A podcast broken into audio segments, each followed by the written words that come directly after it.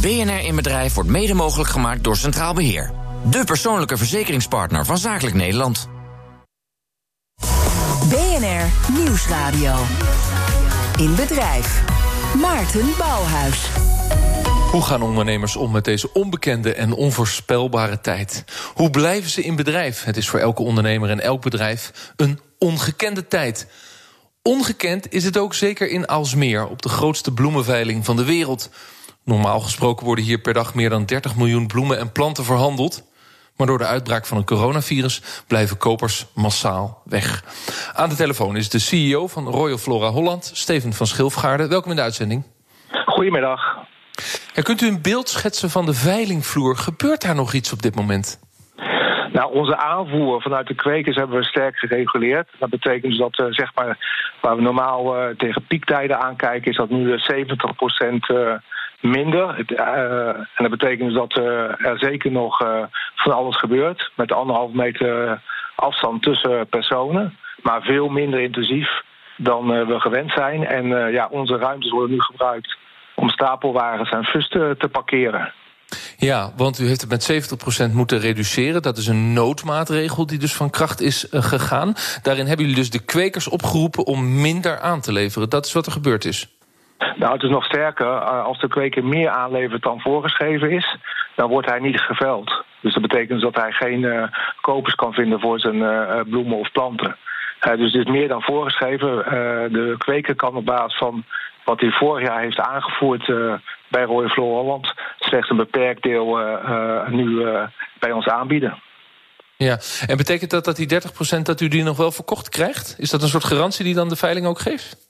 Is geen garantie, maar we zien dat de aanbodregulering heel goed werkt. Dus er wordt veel minder vernietigd dan in de eerste dagen van deze crisis. En we, proberen op dagbasis de vraag en aanbod zodanig te matchen dat er eigenlijk niks vernietigd wordt. Dat betekent niet dat er geen bloemen of planten meer vernietigd worden. wat niet aangevoerd wordt door de kweker, dat moet op de kwekerij zelf vernietigd worden. Ja, of hij moet het direct aanbieden. Mag hij dat eigenlijk als hij is aangesloten op de veiling... om met andere kanalen proberen zijn bloemen te verkopen? Uh, ja, als die, dat, uh, hij heeft de, de mogelijkheid om dat via directe verkoopkanalen aan te bieden. Maar goed, die vraag is natuurlijk ook sterk teruggelopen. Hij heeft ook een mogelijkheid voor thuisverkoop, maar dat is heel, heel beperkt. Dus hij heeft daar geen hoge verwachtingen van. de kweker op dit moment gaat een groot gedeelte van zijn productie wordt gewoon op de kwekerij zelf helaas vernietigd. Ja, er was ook veel kritiek op de grote partijen bloemen ehm, die vorige week werden vernietigd, doorgedraaid, zoals dat dan heet. Hoe keek u daar zelf naar? Nou ja, het is gewoon onderdeel van het marktmechanisme. Als er geen, uh, geen uh, vraag naar is, in dit geval uh, door alle maatregelen in Europa, om de gezondheid van een ieder zo goed mogelijk te bevorderen, ja, dan is er dus ook geen, geen mogelijkheid om bloemen of planten te verkopen. voor ons is het heel belangrijk dat er een juiste prijs voor betaald wordt. Uh, middels die aanbodregeling zijn we in staat om de prijsvorming nog redelijk te laten zijn. De prijs is ongeveer 20% lager dan gemiddeld en normaal in deze periode van het jaar. Dat betekent dus dat we daarmee dus voor de beperkte hoeveelheid bloemen en planten die nog wel verkocht worden, in ieder geval een, een redelijke prijs uh, vragen. Uh, en daarmee, ja, je, kunt ook zeggen, je kunt ook zeggen, je vernietigt minder, maar de prijs wordt nog lager. Dan genieten er meer mensen van de bloemen en verdien je misschien hetzelfde, alleen moet je meer bloemen uitleveren. Waarom wil een veiling dat eigenlijk niet? Ja, maar dat betekent, kijk, er worden ook heel veel kosten gemaakt voor het verpakken van bloemen. Uh, uh, en dat betekent dat die kosten moeten dan ook gedekt worden. Dus per saldo is het niet zo, de, je hebt dan wel veel meer bloemen, maar je dumpt dan bloemen op de markt. En dat is natuurlijk niet uh, de bedoeling. We moeten wel een redelijke prijs betalen voor alles wat we als consument kopen. En in dit geval zorgen we ook voor dat de bloemist gewoon die nog bloemen en planten kan verkopen, ook gewoon in bedrijf blijft. En ook nog een zinvolle is om de winkel open te houden. Ja, we hebben het nu over de kwekers, we hebben het over u, we hebben het over de tussenhandel, de bloemisten. Er is een steunpakket van het kabinet om kwekers en handelsbedrijven door de crisis te helpen. Is dat voldoende? Dat is voor de sierteelt uh, is dat absoluut onvoldoende. We zijn heel druk bezig met het, uh, samen met de hele sector, hebben een aanvraag gedaan voor een noodfonds. omdat namelijk de productie en de productiekosten gaan gewoon door. De huidige noodpakketmaatregelen maken wel enige uh, kostendekking mogelijk, met name loonkosten. Maar de loonkosten zijn slechts maar een heel beperkt deel van de totale kosten. En als er geen noodfonds gaat komen, zullen heel veel bedrijven in hele grote problemen komen tot uh, faillissementen aan toe. En waarom zou Den Haag uh, specifiek naar uw sector moeten luisteren en een noodfonds moeten invoeren? Want dan zijn er nog wel andere sectoren die aan de lat staan. Ik noem kunst en cultuur. Om te zeggen, wij moeten ook dat noodfonds hebben. En, en dan wil eigenlijk elke sector zijn noodfonds. Nou, dat is, niet, uh, dat is niet helemaal waar. Als we kijken naar de, de Seattle, is dat een hele specifieke sector met 150.000 mensen die daar uh, uh, elke dag in werken. de sector heeft eigenlijk nog nooit een, een regeling gekend, in tegenstelling tot bijvoorbeeld groente en fruit. En we zitten hier wel op een hele specifieke sector in de landbouw. En we kennen allemaal de problematiek van dit soort bedrijven. en dat betekent dat productie is productie. En dat kan je niet zomaar stoppen. En willen we als Nederland uh, deze belangrijke exportmarkt ook uh, ja, in leven houden, dan zullen we toch deze moeilijke periode gezamenlijk door moeten komen. Waardoor het weer mogelijk is na deze crisis de handel en de bedrijven gewoon te laten functioneren. En dat betekent dat er op dat moment weer belastinginkomsten gaan komen ja, u pleit voor, voor een, Nederland. Ja, u pleit voor een noodfonds, maar u heeft dus nog geen ja uit Den Haag. Verwacht u dat komende week? Uh, wij hopen dat dat uh, binnenkort komt. Ik weet dat er in Den Haag heel hard aan gewerkt wordt. Er moet ook heel zorgvuldig naar gekeken worden. Iedereen, ik ook, zit te wachten op een antwoord. maar we hebben respect voor het tempo wat gemaakt wordt. omdat we weten dat er gewoon heel zorgvuldig en heel intensief naar gekeken wordt. Ja, tot slot, er is ook een periode na de crisis. Iedereen hoopt natuurlijk dat die zo snel mogelijk komt. Hoe zorgt u ervoor dat u als Roye Floren dan ook weer klaar bent voor die periode? Nou, dat uh, doen we heel uh, wel bewust. Eén uh, is, we moeten zo snel mogelijk uit de startblokken komen. Dat betekent dat we heel goed nadenken over wat betekent dat voor ons. Heel belangrijk is dat er dan ook productie is. Om twee redenen. Eén, er moet niet alleen verkocht worden naar de, de vraag moet voldaan worden. Maar ook, er is op het ogenblik in de hele keten helemaal geen voorraad. Dus in de eerste weken zal er twee keer zoveel uh, voorraad beschikbaar moeten zijn om uiteindelijk de winkels te bevoorraden en om de, aan de vraag te voldoen.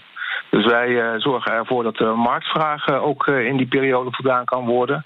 We hebben een heel crisis draaiboek staan dat we op termijn kunnen opschalen. We hebben een hele flexibele aanvoerregulering die we op dagbasis kunnen fine-tunen. En waar we ook op toon aan werken zijn verschillende scenario's voor na de crisis. Uh, we zitten na te denken van wat zou dat kunnen betekenen voor Europa, voor de wereld. Uh, hoe zou ja. die eruit kunnen zien en wat betekent dat dan voor onze business? Uh, en ondertussen gaan we fors door met alle strategische programma's waar we mee bezig waren, zoals 100% digitale en ja, de nieuwe manier van, van veilen, landelijk veilen. Ik begrijp het. CEO van Royal Flora Holland, Steven van Schilfgaarde, dank u wel voor uw verhaal. In bedrijf. En dan gaan we naar Guido Geert, CEO van Delft uh, Imagining Systems. En uh, Tirona, een bedrijf dat algoritmes ontwikkelt voor het analyseren van medische beelden. Uh, jullie zijn al bekend en actief met het opsporen van tuberculose en hebben nu een kat voor COVID ontwikkeld. dat moet je even uitleggen wat dat is. Ja, goedemiddag, inderdaad. Goedemiddag. Uh, Cat voor COVID uh, is eigenlijk een uh, kunstmatige intelligentietool. En dat is gebaseerd op een algoritme dat we al hadden ontwikkeld voor het screenen van tuberculose. We hebben wereldwijd, denk ik, de afgelopen tien jaar een 6 miljoen mensen gescreend met kunstmatige intelligentie op tuberculose. Dat is natuurlijk ook een longziekte. En we hebben de kern eigenlijk van dit algoritme gebruikt om het te trainen op uh, COVID-symptomen. Dus uh, longontstekingen uh, en echt hele specifieke symptomen die gerelateerd zijn aan COVID. Dus we hebben nu ook een tool die kan worden ingezet om COVID te, op te sporen. En dat betekent dus, je maakt een röntgenfoto van iemands longen. En die ja. foto wordt geanalyseerd door een algoritme, waar dus heel veel ja. slimme data in zit. En dan kun je dus nu de COVID, lees het coronavirus, uh, COVID-19, opsporen. En dan weet je dus of iemand besmet is. Ja, dus eigenlijk er zijn natuurlijk meerdere methodes nu om uh, COVID uh, te analyseren. Je hebt die, die labtesten, dat RT-PCR. Dat is eigenlijk de meest uh, aanbevolen methode. Als je kijkt naar diagnostiek, dan is eigenlijk de CT, die donut waar je dan in het ziekenhuis in komt te liggen, de meest sensitieve methode. Uh, maar wat je ziet is dat ook heel veel ziekenhuizen nu een, uh, wat heet een triage uh, doorvoeren, een voorselectie. Dus je komt naar een ziekenhuis, je hebt het natuurlijk vast op tv gezien, al die tenten die buiten staan. Je wilt ja. natuurlijk niet al die verdachte mensen in je ziekenhuis hebben.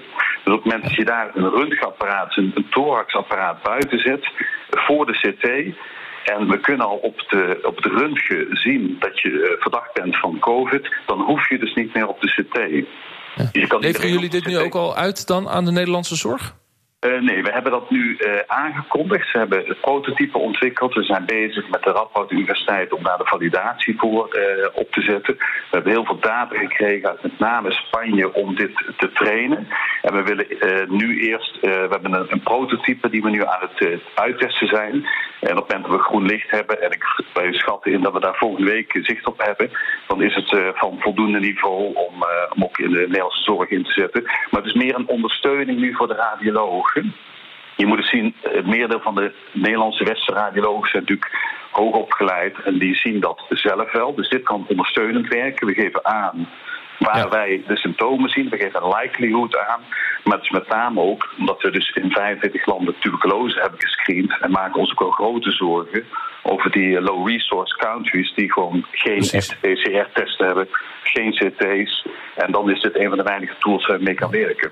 Conclusie, je hebt het ook juist ontwikkeld voor uh, onderontwikkelde landen... om daar uh, betaalbaar te kunnen scannen op, uh, op corona. Ja, je kan, in Nederland is het natuurlijk gewoon ook met name ook wel een efficiency tool. Het is veel, je bent veel sneller ja. met een X-ray als met een CT. Ja. En ja. als je het al ziet op de X-ray, dan hoef je niet per se op de CT. Dat is dus maar, maar daarmee is, ja. Precies, en daarmee is het dus voor jullie ook een kans in uh, Afrika. Voor nu, uh, dankjewel. Ik weet zeker dat we hier veel meer van gaan horen. Guido Geert, CEO van Delft Imagining Systems... en bedenker van uh, de kat voor COVID. In bedrijf. We hebben contact met Leon Giesen, topman van technologiebedrijf Sioux uit Eindhoven. dag Leon. Goeiedag. Vorig jaar waren we bij jullie te gast. Uh, jullie ja. zijn een technologiebedrijf, uh, leveren en denken mee met OEM'ers, uh, grote producenten. Hoe gaat het nu bij jullie? het, gaat nog redelijk, het gaat nog redelijk goed. kijk, wij zitten natuurlijk toch altijd in, het, in de voorfase, in de RD-fase. Dus die projecten lopen nog wel door. Dus ik denk op korte termijn lopen de projecten eigenlijk door en zijn onze mensen nog uh, goed aan het werk. Voor de iets langere termijn uh, ja, zullen ook wij wel merken dat er wat teruggang in, de, in, in projecten gaat. Heel simpel om het feit dat een hele hoop bedrijven natuurlijk op dit moment niet openstaan om nieuwe dingen te ontwikkelen, maar eerst proberen deze crisis maar eens te overleven. En ja. Dat, kan ik me ook, dat kan ik me ook heel goed voorstellen. Dus ja, ik dus denk dat, dat we daar, wel wat, uh, daar wel wat van zullen gaan merken. Na de crisis uh, kan dat pittig worden. Jullie hebben ook een locatie in China, die is net weer aan ja. het opstarten. Nou, ik maak heel graag verhalen over in bedrijf blijven en in bedrijf gaan. Hoe gaat het daar nu in China? Nou, ik, daar gaat het eigenlijk weer redelijk goed. Ik, ik ben blij dat wij een vestiging in China hebben. En ook dat we daar toch wel wat ervaring opgedaan hebben met hoe dat, uh, hoe dat het allemaal verloopt met corona. Kijk, onze Chinese vestiging is twee maanden gesloten geweest. Waarvan de eerste zes weken onder een redelijk streng regime. En daarna mochten in ieder geval de mensen die in de buurt woonden weer naar kantoor komen. Uh, wat we daar wel geleerd hebben is dat op afstand werken en uh, mensen thuiswerken, dat het eigenlijk uh, redelijk efficiënt is. Nou, van die ervaring hebben we in Nederland ook gebruik kunnen maken. Dus wij zijn eigenlijk 2,5, 3 weken geleden, drie weken geleden al voor 100% bijna overgeschakeld op thuiswerk. En ik moet okay, zeggen. Die les heb je uit China kunnen halen en dat gaat dus nou ja, We hebben, in ieder geval, we hebben in ieder geval gezien hoe dat het daar werkte. En dat is op zich wel goed. En ook hoe je je toch, uh, zeg maar, uh, als bedrijf kunt wapenen tegen uh, dit soort ja, aanvallen van buitenaf, zeg maar. Kijk, de eerste is natuurlijk. Ja, ja. het eerste wat belangrijk is, is de gezondheid van onze mensen en de naasten. En het tweede is natuurlijk waar wij moeten laten, is de gezondheid van Sioux. En niet alleen nu, maar ook op lange termijn. Dus je moet zorgen dat je business wel zoveel mogelijk doorloopt. En dat is in deze ja. tijd best wel uh, sturen. Nog even naar China toe. Met die contacten in China heb je er ook voor gezorgd... dat er 40.000 mondkapjes gedoneerd werden aan de veiligheidsregio in China. Kwamen die wel door de keuring heen achteraf? Ja, ja, ja. En de veiligheidsregio in Nederland hebben ze cadeau gegeven, hè, want ze kwamen van China. Dus uh, we hebben ze aan de, veiligheids, uh, of de uh, veiligheidsregio-coördinator in Brabant gegeven. Ja, uiteraard, wij, ik, ja. Ja, omdat wij zelf niet kunnen bepalen waar de nood het hoogst is. dus, maar deze waren alle 40.000 goed. Dat is fijn. Zou je nou als hoogwaardig technologiebedrijf nog meer kunnen bijdragen aan het bestrijden en beteugelen van, van dit virus? Ja, op korte termijn uh, hebben we hier en daar onze hulp aangeboden en onze denkkracht aangeboden aan, uh, aan wat bedrijven en wat uh, mensen met wat ideeën. Kijk, als je nou naar de iets langere termijn gaat kijken, denk ik wel dat we een vrij grote rol kunnen gaan spelen. Wat we natuurlijk zien is dat data steeds belangrijker worden en analytics van data steeds belangrijker worden. Een week geleden heeft de eurocommissaris uh, aan de telecombedrijven ook gevraagd om data beschikbaar te stellen. Om toch te zien dat, dat, we, dat we patronen volgen van mensen om daar weer op te schakelen. En ik denk dat wij in dat soort omgevingen echt wel een hele grote rol kunnen spelen. Dus, ja. Interessant, daar zouden jullie dus ook in kunnen helpen. Um, Leon Giesen, topman van Sioux, dankjewel. In bedrijf. Ja, dan aan de lijn Marieke Snoek, directeur van Cycloon Post en Fietscouriers. Dag Marieke. Hallo. Vorig jaar eh, zomer in alle vroegte waren we bij jullie eh, te gast in het sorteercentrum eh, in Zwolle. Een van de cruciale beroepen, de post, nu nog steeds staande en gaande. Wat merken jullie in de post- en pakketbezorging in deze coronatijden? Um, ja, dat klopt. Wij we zijn een van de beroepen die uh, hard nodig zijn om, uh, om, iedereen eigenlijk thuis te krijgen en thuis te houden. En ehm, ja, wij bezorgen nu alleen maar heel veel meer post van pakketten. Vooral pakketten, post iets minder. Um, maar de pakketten gaat heel hard. En mensen bestellen natuurlijk nu omdat ze thuis willen blijven. En nou, wij zorgen dat ze dat ook kunnen door het aan de deur te bezorgen. Ja, nou is het een specifiek vakgebied, uh, uh, het postbezorgen... maar vooral ook duurzaam en met de fiets, zoals jullie dat door heel Nederland doen. Hoe kom je dan snel aan meer mensen? Uh, nou, er zijn genoeg sollicitaties. Ja, er zijn op dit moment oh, ja? natuurlijk veel mensen die, nu, ja, die waarschijnlijk in de horeca hebben gewerkt... en nu geen, geen werk hebben. Dus we hebben heel veel sollicitaties... Um, en kunnen daardoor snel opschalen met, met fietscouriers. Ja. Jullie werken in de sorteercentra met mensen met een afstand tot de arbeidsmarkt. Heel veel ook, hè? niet een paar, maar grote groepen mensen met een afstand tot de arbeidsmarkt. Hoe leg je aan hen uit wat er allemaal gebeurt? Ja, nou eigenlijk gewoon door heel duidelijk te zijn. Uh, door heel duidelijk over de hygiënemaatregelen te zijn. Door de maatregelen die gesteld zijn door de overheid.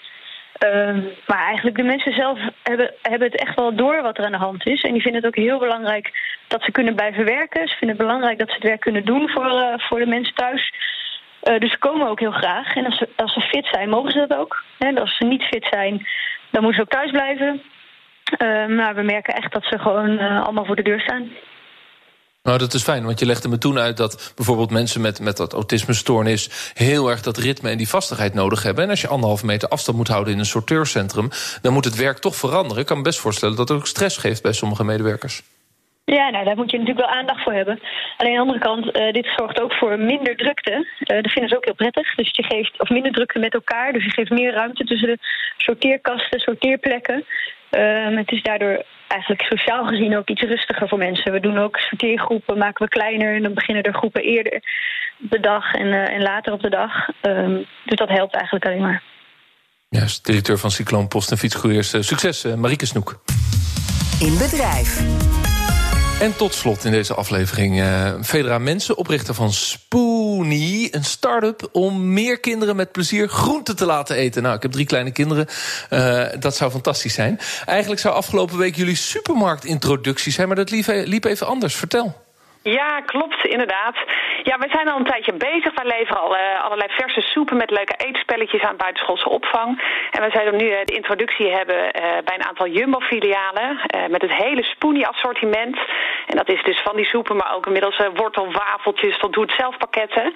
Ehm, en eigenlijk die, we zouden drie maanden gaan testen met uiteraard de bedoeling om aan te tonen dat onze lekkere producten vast in het assortiment moeten. Nou, daar hebben we heel veel voor besteld, van verpakkingen tot voedingsproducten met pallets tegelijk, sample teams opgetuigd. Maar ja, toen, toen kwam corona er tussendoor. En ja, iedereen gaat nog steeds naar de supermarkt, maar heel gericht. en ook mag er niet meer gesampled worden. Dus ja, dat is voor de introductie van een nieuw voedingsmerk essentieel. Veel supermarkten hebben ook hun, hun, acties aangepast en samplen is inderdaad helemaal verboden. Je bent niet bij de pakken gaan neerzitten. Wat heb je bedacht? Wat ben je gaan doen met al die voorraad? Ja, nou, ik dacht uh, inderdaad een, een, dagje even gebaald. Maar ik denk, er zijn eigenlijk zoveel kansen. Want uh, Spoonie is relevanter dan ooit. Wij, wij zorgen er eigenlijk voor dat kinderen thuis heel gezond aan de slag kunnen. En met veel plezier uh, gezonde dingen eten. En wat je nu ziet is dat iedereen zich natuurlijk thuis stierlijk verveelt. En massaal slaan die kinderen aan het bakken. Maar ja, zes weken cupcakes bakken, dat gaat hem ook niet worden. Dus wij dachten, laten we onze doe-het-zelf pakketten eens in de etalage gaan zetten. En dat gaan we nu gewoon online doen. we leveren aan huis. Hoe loopt dus het? eigenlijk geeft dat uh, ongelooflijk veel kansen om, uh, ja, om onze producten op een andere manier, uh, maar nog veel relevanter in deze tijden thuis te krijgen. Nou, als ik mijn dochters een beetje kan vermaken in de middag, zou dat heel prettig zijn. Ja, exact. En dat doen we. We hebben, die doet zelf pakketten, maar we hebben ook allemaal producten om groenten met een soort eetspelletje te eten. Dus het, ja, de vrolijkheid spat er vanaf, maar het is ook uh, ja, lekker, uh, lekker bezig zijn met elkaar. Ja, en dan ja. wel op een, uh, op een positieve manier. En ja, die supermarkt... Heb je wat verkocht? Begint, begint het al te lopen online? Ja, en dat is de grap. En daarom zie ik ook dat het relevant is. het gaat eigenlijk ongelooflijk goed. We hebben in twee dagen hebben we een webshop opgetuigd. Alle systemen in de lucht gekregen. En we zijn nu hard bezig om uh, bekendheid te krijgen. Want dat is natuurlijk wel belangrijk voor, uh, ja, voor een startend merk die online wil gaan verkopen. Ja, maar we zien nu dat de bestellingen omhoog schieten. En uh, ja, door wat ja. aandacht wat we gekregen hebben, dat er ook alle andere samenwerkingen ja, op ons pad komen die anders niet op ons pad gekomen ja. waren. Uh, Federa mensen, dat is hartstikke mooi. We noemen dat uh, een coronakans. Wat is de website waar ik naartoe moet? Uh, dat is www.spoonie.nl en dat is S-P-O-O-N-Y. Oké, okay, nou dan zullen de luisteraars ook wel terechtkomen. Dankjewel. BNR Nieuwsradio. In bedrijf. Maarten Bouwhuis. Dit was alweer de laatste uitzending van BNR in Bedrijf. Vijftien maanden lang heb ik wekelijks ondernemers opgezocht... en een kijkje achter de schermen gekregen bij prachtige bedrijven. Ik dank ze dat wij altijd welkom waren... en met open armen ontvangen werden. Elke show eindigde ik met een soort conclusie van het geheim van de ondernemer. Na meer dan 60 afleveringen concludeer ik dat ondernemen draait om mensen. Het zijn de werknemers die het succes maken. Ondernemers ondernemen met hun hart en niet met hun portemonnee. Ze zorgen vaak beter voor hun bedrijf, hun mensen, dan voor zichzelf. Er is ongelooflijk veel flexibiliteit en positief ondernemerschap in Nederland. Blijkt ook nu weer, als we hebben over in bedrijf blijven in de coronacrisis.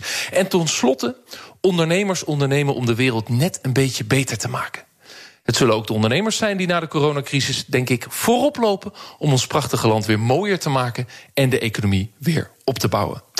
Ik dank Centraal Beheer voor het fijne partnerschap. Dank aan uh, al mijn collega's, Karin Baks, met wie ik het programma gemaakt heb, Robin Fink, Paul van der Linden, productie en alle technici en natuurlijk de hoofdredactie voor de steun.